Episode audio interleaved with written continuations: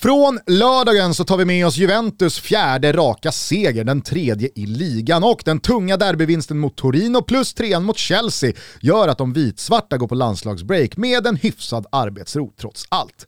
Det kan man eh, däremot inte säga om Ronald Komans lilla verksamhet nere i Spanien. Atletico Madrid behövde bara peta i treans växel för att på en halvlek släcka ner Barca och enkelt och bekvämt segra med 2-0.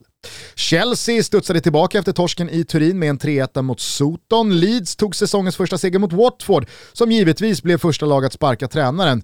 Eh, det högtflygande Arsenal togs ner på jorden av Brighton och hör och häpna Graham Potter och på Old Trafford så kom Manchester United och bonkatten från Molde undan med blotta förskräckelsen återigen när en poäng landades hemma mot Everton. Men Uniteds spelmässiga problem och avsaknad av både spelidé och principer orkar jag faktiskt inte prata om en gång till nu. Vi säger som Dan Ekborg gjorde till Filip Hammar för några år sedan.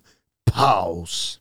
Vi noterar mål nummer 8 och nummer 9 för Viktor Gyökeres i Coventrys succéinledning på Championship-säsongen, att Jesse March tog en livsnödvändig seger med Leipzig mot Bochum, en karaktärsdanande vändning av Inter borta mot Sassuolo samt att Salernitana tog första trean i Serie A med både Frank Ribéry och Riccardo Gagliolo i startelvan. Vem hade kunnat tro att de två skulle dela omklädningsrum för några år sedan? På Areki-stadion dessutom. Visst är det så. Visst är det så. Bra inspel Wilbur José.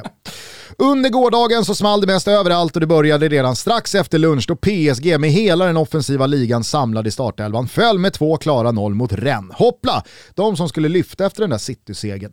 Det fortsatte med målregn från Serie A, höstens hittills snyggaste halvvolley från Antonio Candreva och segermål på tilläggstid för Ponnes Brentford borta mot bluffen West Ham. Tottenham bet ifrån med en seger mot Aston Villa, Bayern München gick hux flux och torskade hemma mot Eintracht Frankfurt och Napoli lyckades som sagt vända och vinna borta mot ett formstarkt Fio. Espanyol hemma slog Real Madrid och avslutade en riktig pissvecka för den i Tutto så hyllade Carlo Ancelotti. Alexander Isak gjorde comeback för tråkmånsarna i Real Sociedad som på något oförklarligt sätt delar serieledningen i La Liga.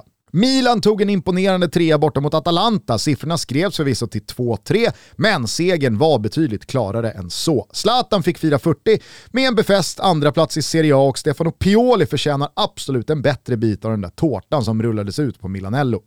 Helgens tyngsta clash hämtar vi från Anfield, för där smällde det av bara helvete efter paus. Sadio Mané gav behärskat Liverpool ledningen mot City, men Phil Foden kvitterade strax efteråt. Det var sen dags för Mohamed Salah att verkligen skingra alla tvivel kring vem av alla världsspelare runt om i Europa som faktiskt inlett den här säsongen bäst av alla. 2-1 målet igår får verkligen symbolisera den formtopp som Egyptien prickat in och han ser för dagen helt ostoppbar ut. Tyvärr dock för Momo Salah, Jürgen Klopp och alla röda supportrar. KDB skulle kvittera och toppmötet slutade 2-2.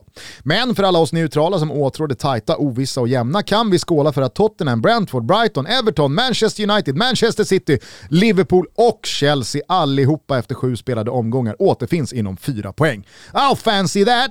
Vi avslutar svepet hemma i Allsvenskan. För låt den 3 oktober 2021 verkligen vara den ultimata reklamen för den svenska supporterkulturen. Mm. Det sjöngs hisnande högt på Stadion i Malmö. I Kurva Nordahl i Norrköping så hade Peking Ultras och övriga hemmasupportrar kraftsamlat för att ge guldstriden en sista chans. I Örebro så hade kubanerna mobiliserat för att lyfta ÖSK mot strecket och på Friends Arena så såg jag tifon, pyro och en emotionell insats jag inte riktigt vet när jag upplevde senast närmast. Det gemensamma budskapet från de båda lagen, växelramsan mot polisen i början av andra halvlek, bengalerna, röken, sången, stämningen, nej det var ett magiskt Stockholmsderby. Och då har jag inte ens berört den otroliga match och inte minst första halvlek som vi som tittade på fick uppleva. Dubbla röda hjärnsläppskort, gastkramande spänning och en intensitet sannoliken värd sammanhanget. Det är bara att lyfta på hatten för tvillingderbyt, för allsvenskan och för den otroliga svenska supporterkulturen. Tittade du Stefan Hector? Tittade du Amanda Lind? Tittade du Mikael Damberg?